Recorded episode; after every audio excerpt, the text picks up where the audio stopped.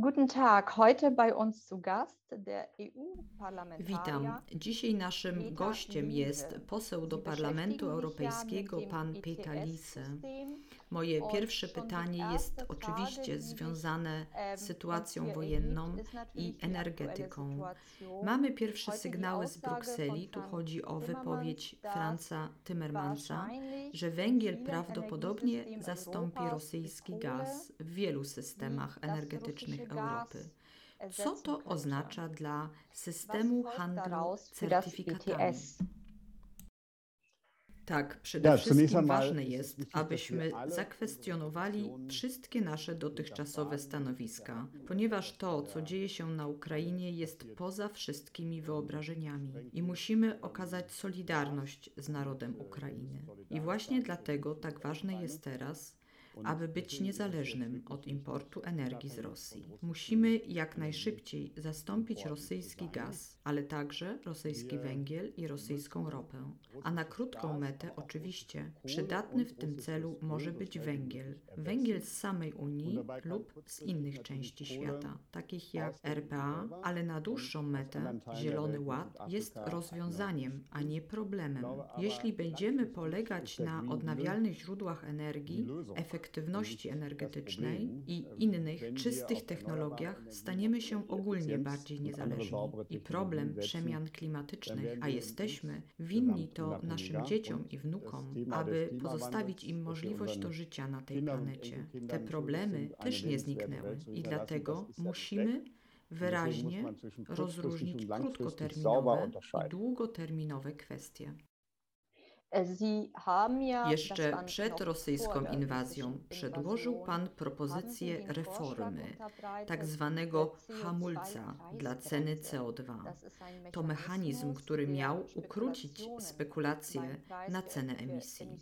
Czy pozostaje Pan przy tym pomyśle reform? Czy też będzie Pan musiał dostosować ten mechanizm do dzisiejszych okoliczności?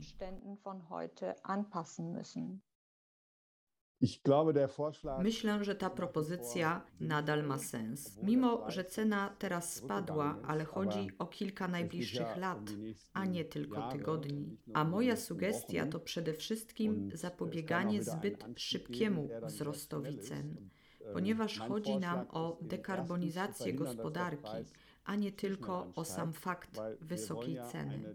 A jeśli cena wzrasta zbyt szybko, to nikt, ani osoba prywatna, ani nikt inny nie może się do tego szybko dostosować. Żadna firma nie może się nastawić na szybki wzrost emisji CO2, więc to musi być obliczalne. I dlatego nadal uważam, że jeśli cena wzrasta zbyt szybko, to komisja musi wprowadzić na rynek dodatkowe certyfikaty, żeby podwyżkę tą wyhamować. Musimy też przeciwdziałać spekulacji i manipulacji na rynku.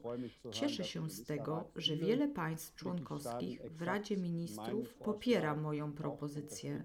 Całkowicie popiera machen. przedstawia bardzo podobne propozycje. Czy Parlament Europejski rozważa zawieszenie handlu certyfikatami, przynajmniej tymczasowo, lub może nawet w pewnym momencie w celu zapewnienia bezpieczeństwa energetycznego dla niektórych bardzo ważnych systemów gospodarczych Europy, na przykład dla systemu niemieckiego systemu energetycznego?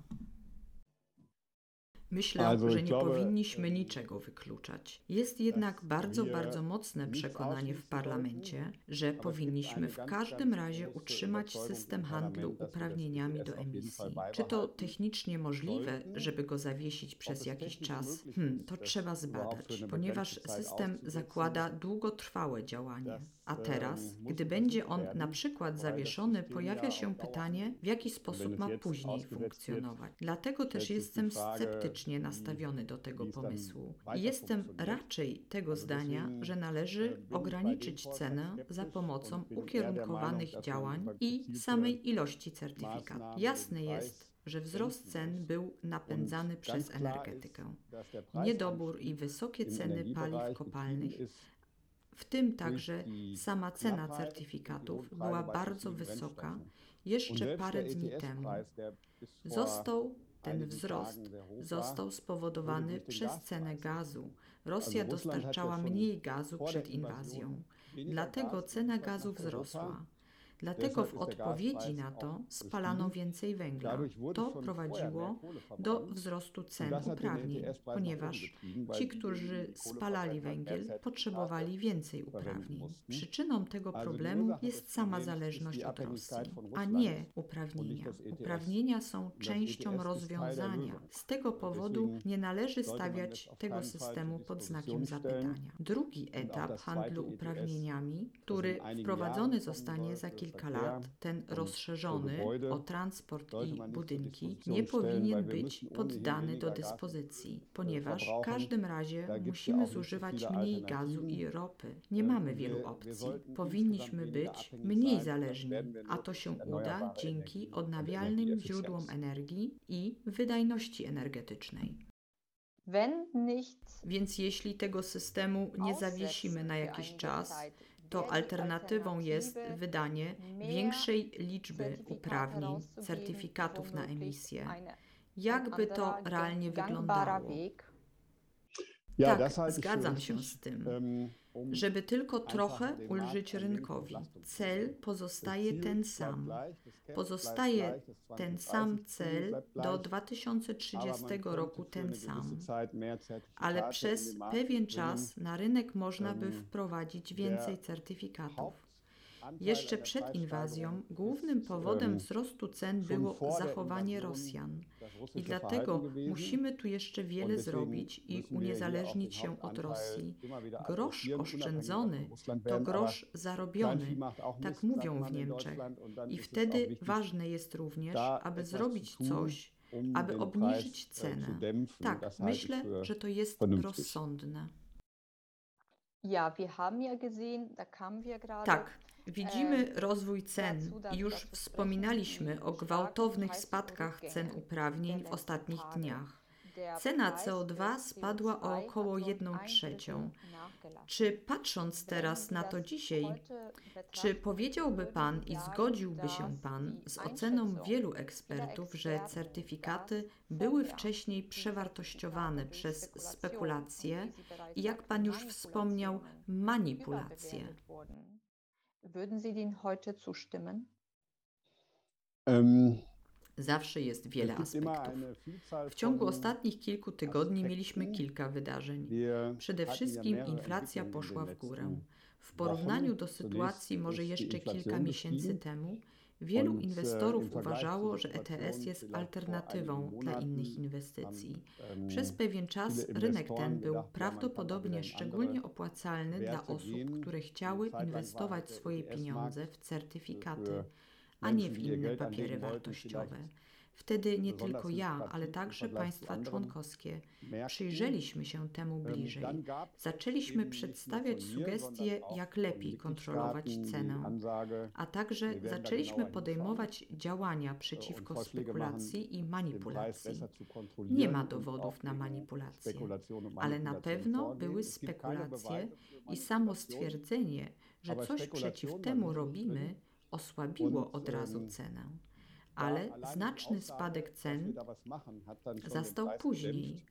Jest oczywiste, spowodowany jest on wojną. I myślę, że o spekulacjach i manipulacjach nie ma co spekulować, ale raczej uczestnicy rynku teraz oczekują, że będziemy mieli problemy gospodarcze, że będziemy mniej produkować w zakresach produkcji energochłonnych a to o, oznacza, że oczywiście potrzebnych będzie mniej certyfikatów. Jeśli produkujemy mniej stali, potrzeba mniej uprawnień, ale to taka korekta, która może cofnąć przegrzanie rynku, ale jednocześnie też ocena, że może dojść do kryzysu gospodarczego. I oba procesy razem prowadzą do tego spadku cen. Będziemy musieli się bardzo dokładnie przyjrzeć w najbliższych tygodniach i dniach. W takim razie serdecznie Panu dziękuję za tę rozmowę i życzę miłego wieczoru.